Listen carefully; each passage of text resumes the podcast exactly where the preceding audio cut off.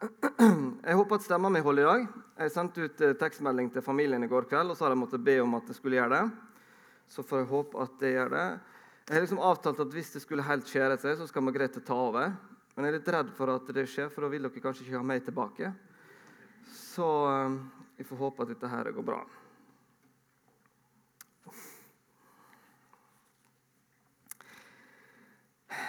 Det er, noen, det er nok et innholdsrikt kapittel, det her i eh, kapittel 8 i apostelgjerningene. Det er mye han kunne ta tak i. Er et par punkt som jeg har veldig lyst å ta fram.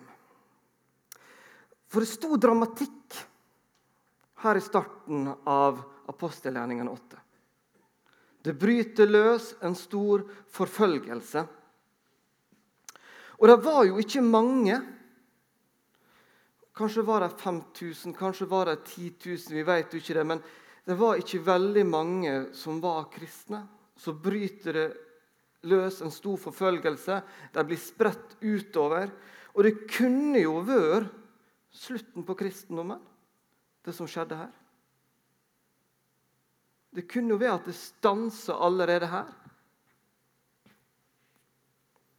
Det ble, brutal, det ble en ganske brutal start for en del av disse her mennesker som ganske nylig hadde tatt imot Jesus. Ønsket han som frelser i sitt liv, også var en sann forfølgelse noe av det første som møtte dem. Så kjenner jo vi historien og vet at dette her eh, var ikke slutten. Det var ikke engang starten på slutten. Det var slutten på en start som førte til at vi skulle få lov til å ta imot evangeliet også opp i Norge en del år etterpå. Men det var altså en ganske så brutal start. Men det er noen ting med denne situasjonen som jeg tenker vi har sett tidligere, og vi har sett seinere. Det er noen paralleller til det her noen likhetstrekk som jeg har lyst også at vi skal stoppe litt ved. En av disse parallellene som vi finner lengre tilbake i Bibelen vår, er fra Jeremia 29. Der fortelles det en historie som jeg syns er spennende. Det som vi kan lese om i Jeremia 29, er altså at eh, Nebukadnesar den kommer og tar Jerusalem og tar med seg jødene til Babylon. Og Babylon, det var byen for avgudsdyrkelse. Det var liksom hedenskapens hovedstad. Dit ble jødene sendt i eksil. Og jeg tror at en del av disse jødene tenkte at dette her, det kan bety slutt slutten for oss som jødisk folk, for vår religion. Det var faktisk en real sjanse for at det var det som kunne bli utfallet når en forholdsvis liten gruppe jøder ble sendt til Babylon, være midt i denne storbyen med all den hedenskapen og avgudsdyrkelsen som var der. Men hva var det som skjedde? Hva skjedde i løpet av 50 år i fangenskap eller eksil i Babylon? Jo, det ble en renessanse. Det ble en oppblomstring, en fornyelse for jødene og deres tru. Det var som at de fikk samla gløren igjen, og så fikk liksom satt fyr på det her. Paradoksalt nok så ble eksilet i Babylon ei fruktbar tid for jødefolket. Det ble ei tid for religiøs konsolidering. Jeg kan ikke lure på hvorfor jeg putta et sånt ord inn i manuset mitt. Men det handler om å forsterke og gjøre noe solid. Det var det som skjedde i denne perioden der. Deres religiøsitet ble altså mer solid, sterkere. Det var en tid der jødene søkte sammen. De brukte tid i bønn, i fordyping i egen tru. Fra denne perioden de var i Babylon, så kan vi i dag i vår bibel lese dikt og salmer som ble skrevet. Det var en periode der de samla mye av den jødiske bibelen, reviderte og lagde dette her klart. Det skjedde i dette fangenskapet. Og når de fikk beskjed ca. 50 år etterpå at nå kan dere få lov til å flytte hjem igjen Han nebukaneseren ble, ble tatt av en annen. Så var det en del som sa nei. Vi ønsker faktisk å være her. De hadde funnet ut at det var bra for dem å være i verden men ikke av verden. Vi skal lese noe av det som står der i eh, Jeremia 29. Det står Bygg dere hus og bo i dem. Plant dere hager og spis frukten. Ta dere koner og få sønner og døtre. Ta kona til sønnene og gift bort døtrene deres, så de kan få sønner og døtre. Der skal dere bli flere, ikke færre. Dere skal fremme fred for denne byen som jeg har ført dere til, til i eksil, og be til Herren for den. For når den har fred, har også dere fred. De etablerte seg. De jobba for fred og framgang i denne byen som var så ulik det de var vant til, som hadde med seg så mye som de egentlig ikke syntes noe om. De ba for byen sin. De praktiserte si jødiske tru i denne byen. De opplevde å bli grunnfesta. De opplevde å få fred.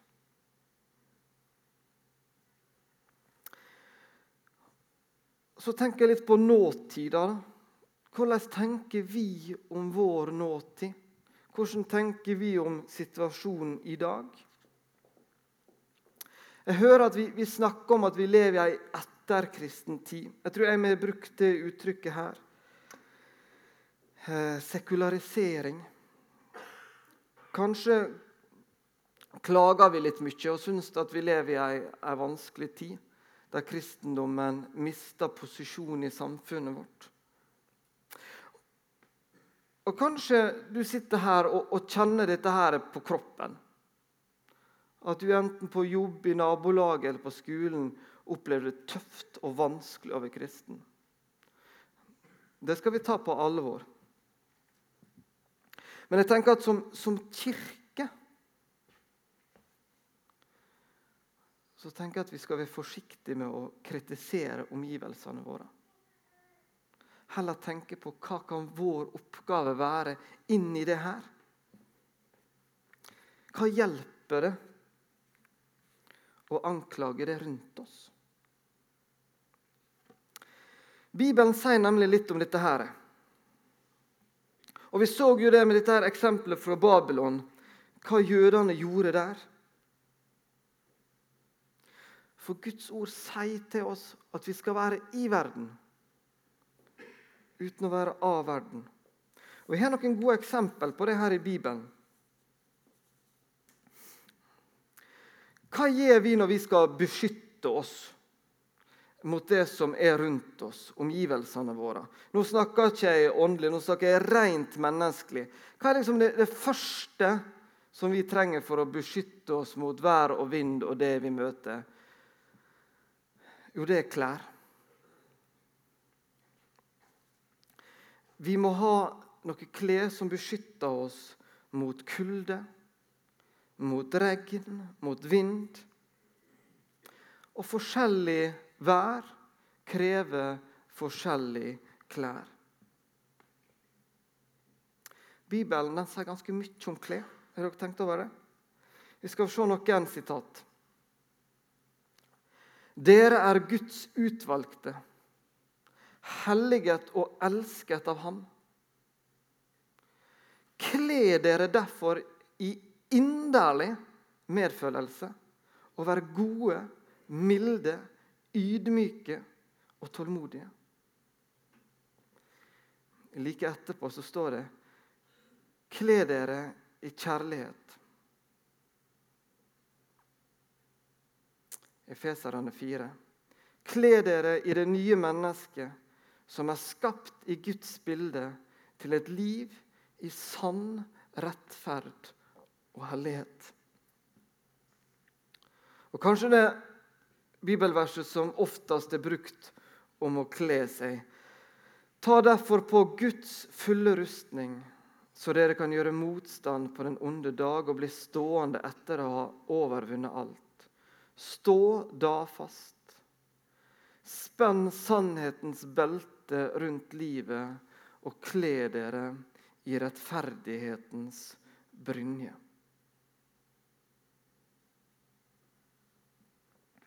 Paulus snakka mye om klær. Mye mer om klær enn om å klage på været. Hva kan vi lære av det her?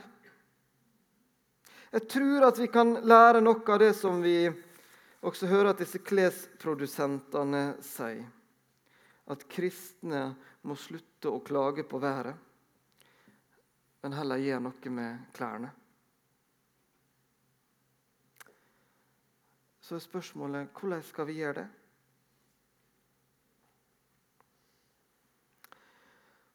Jeg tror det handler om det kristne fellesskapet. Jeg tror at det handler om oss som menighet. At det handler om å søke sammen i bønn. Bruke tid med Bibelen. Kjenne på fellesskapet av å være i en menighet, i en smågruppe nattverdsfellesskapet. Jeg tror det handler om å, å søke sammen innover i menigheten for å klare å leve utover i det samfunnet vi har rundt oss. Det handler litt om at kristendommen må gå ifra noe intellektuelt som vi har oppi hodet, til noe som sitter i hjertet som vi har i magen, som, som blir et liv. At vi kan få levd ut det her vi tror på.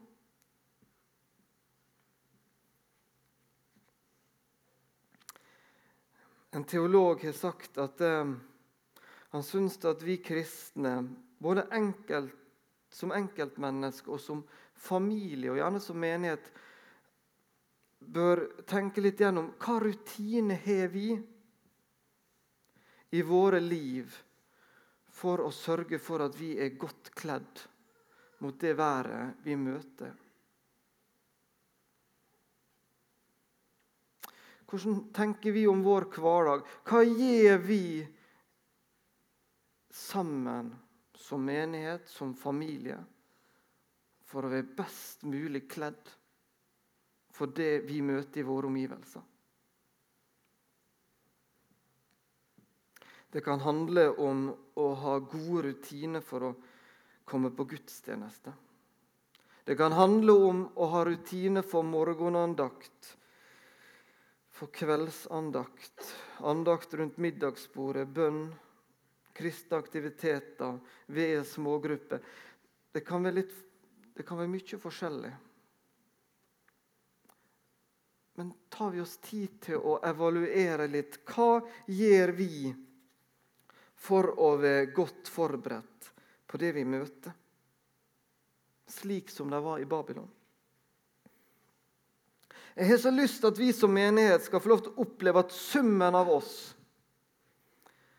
den er mye større enn om vi sto der som enkeltmennesker.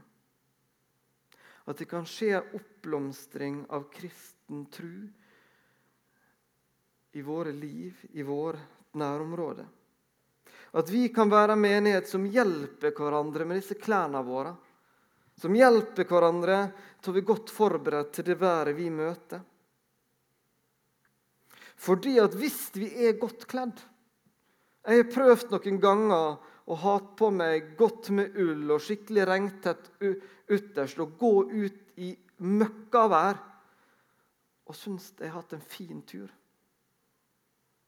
Jeg var godt forberedt. Så hvordan kan 2020-åra som vi snart skal inn i, paradoksalt nok bli en tid med åndelig vekst i vår verden? Hvordan kan tida framover bli en tid der det blir skrevet nye sanger, nye dikt, som blir brukt i tida framover? For det kan nemlig skje igjen. Og atter som et under, nytt liv av daude gror, som Elias Blix har sagt det, og som dere som er like gammel som meg og eldre, har sunget utallige ganger på skolen. Jeg ønsker at vi skal være en menighet i verden, men som har kledd oss annerledes enn verden. En gjeng som henter inspirasjon fra hvordan Gud talte til jødene i Babylon.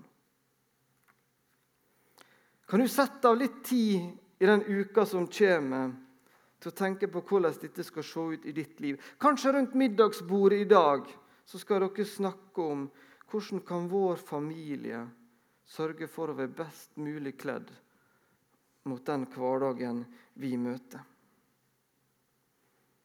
Hvordan kan 2020 bli en renessanse for kristendommen i ditt liv, i din familie, i vår menighet og vårt nærmiljø?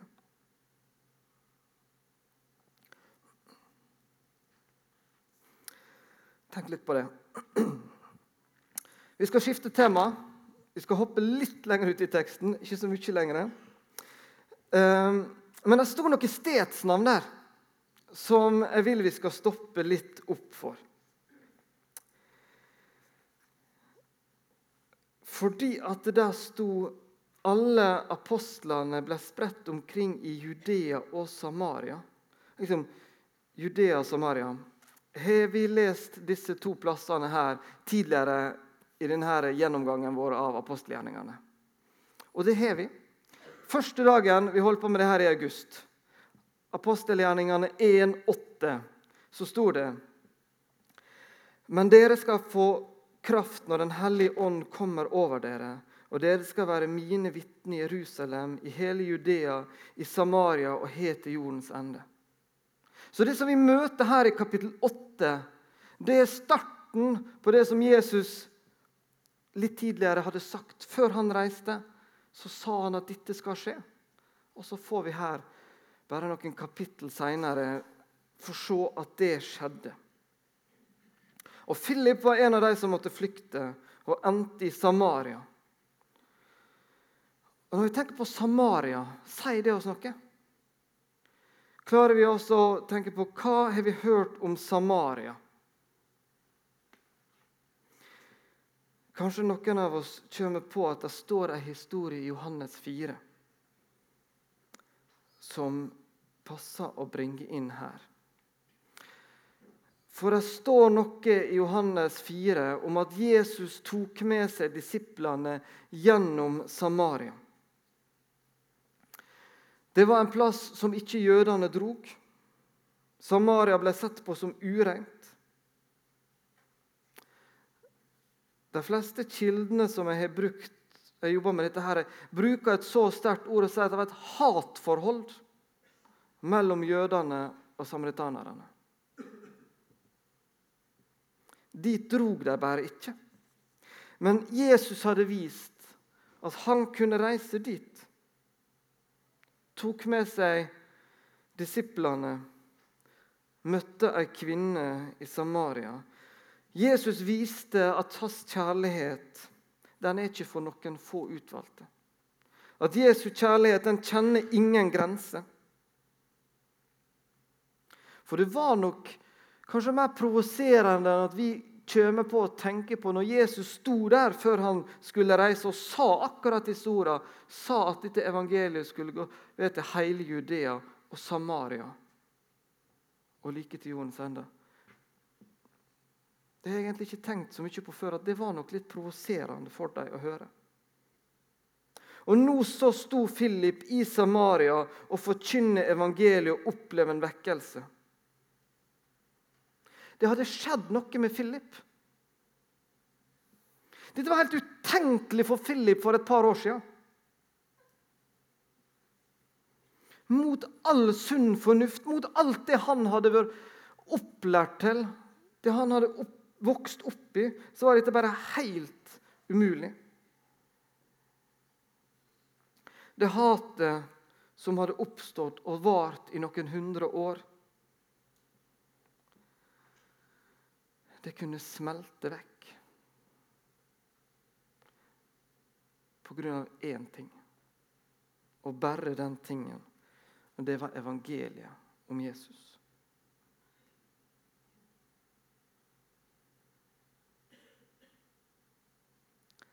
Rune Mjølhus jobber nå på hovedkontoret til NLM i Oslo. Har vært misjonær i Kenya i mange år. Jeg hadde litt kontakt med han nå i uka. Han fortalte meg en historie.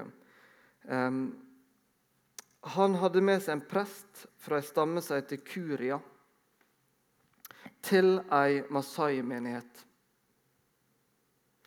Disse to folkegruppene er i utgangspunktet dødsfiender.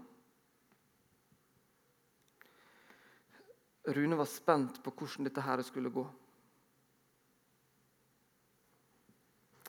Han hadde også med seg en, en ansatt fra Forsvaret i Norge som, som har drevet en del år med fredsarbeid i Øst-Afrika.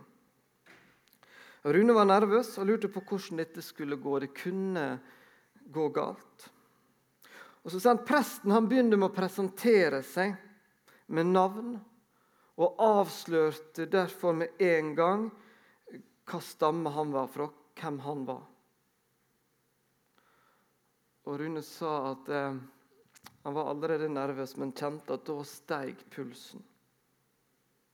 Og Så fortsetter denne her presten, og så sier han hvor stort det er at vi skal få lov til å sitte her foran Gud sammen med Maisai-søsken. Det var som generasjoner med hat og motsetninger ble sletta ut på sekund. Det var en fantastisk forbrødring som skjedde der denne dagen. Denne representanten for Forsvaret var sjokkert. Hvordan kunne dette skje? De hadde brukt så mye ressurser på dette arbeidet uten noe særlig resultat. Og så skjedde dette her i denne menigheten denne dagen. Disse to gruppene så på hverandre slik som jødene så på samaritanerne. Men så skjedde det altså noe.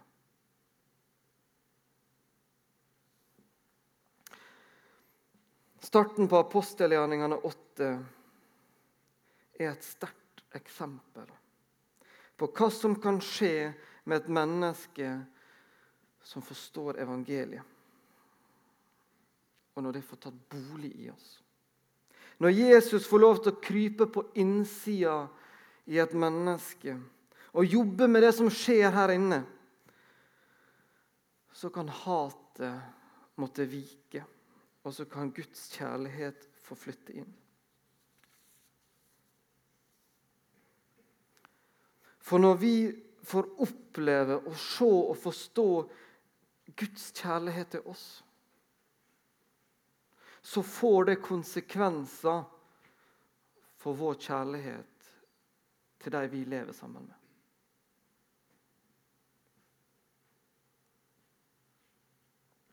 Ingenting er så virkningsfullt til å tine opp islagte fjorder innover i et menneske som Guds kjærlighet. Vi skjønner det, at det er ikke plass til rasisme i Guds menighet.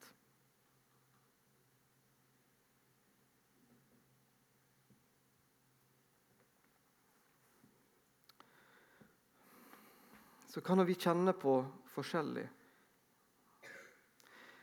Jeg tror ikke at jeg kjenner på så mye rasisme overfor spesielle menneskegrupper eller raser. Men det kan være andre ting som vi kjenner på. Det er andre ting som jeg kan synes er vanskelig. Noen ganger har jeg tenkt på Hvis jeg ser mennesker som jeg vet har evne og ressurser til å bidra i samfunnet, men jeg opplever at de ikke gjør det. Jeg ser det jeg kaller unnasnultring og latskap. Hva tenker jeg inn i mitt hjerte da?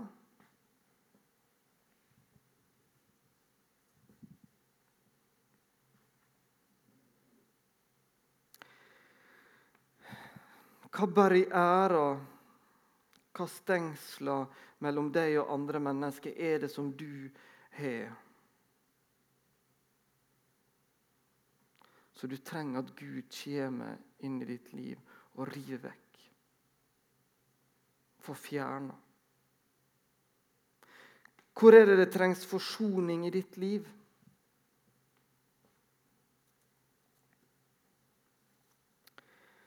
Vi vil jo at dette skal skje i Ålesund.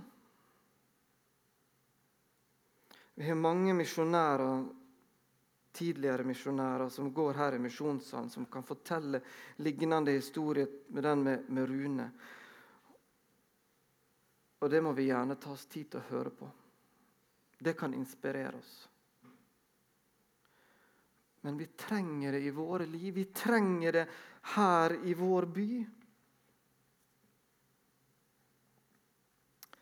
Jeg tror ikke jeg tar for store ord i min munn når jeg sier at jeg tror det er Guds vilje at vi skal se på Philip som et forbilde inn i vår verden, inn i våre liv.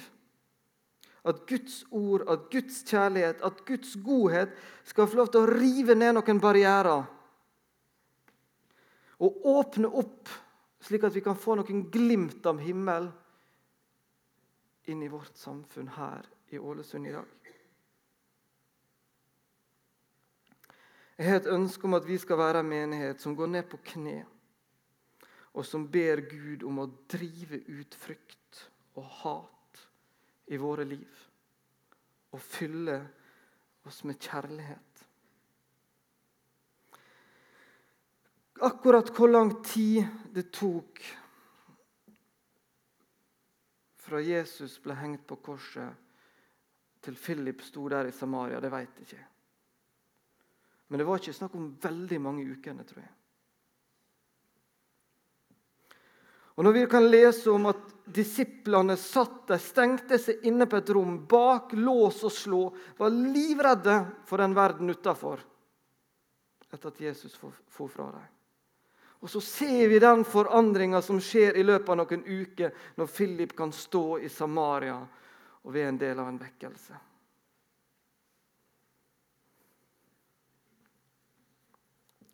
Disse her mennesker som vi leser om her, Philip og de andre, det var ikke noen overnaturlige mennesker. De første kristne var gutter og jenter, kvinner og menn med sine gode sider, men med sine svake sider. Men Gud fikk lov til å gjøre noe i livet deres som fikk konsekvenser. De ble fylt av en kjærlighet. De fikk oppleve at Gud fikk drive ut hat og frykt. Jeg er snart ferdig. Jeg skal si litt til. Som eh, far til eh, tre barn så går det mye i klær. Um, vi må gjennom noen runder omtrent hver eneste dag. Vi tenker liksom at vi står opp tidlig nok og at vi skal ha nok tid.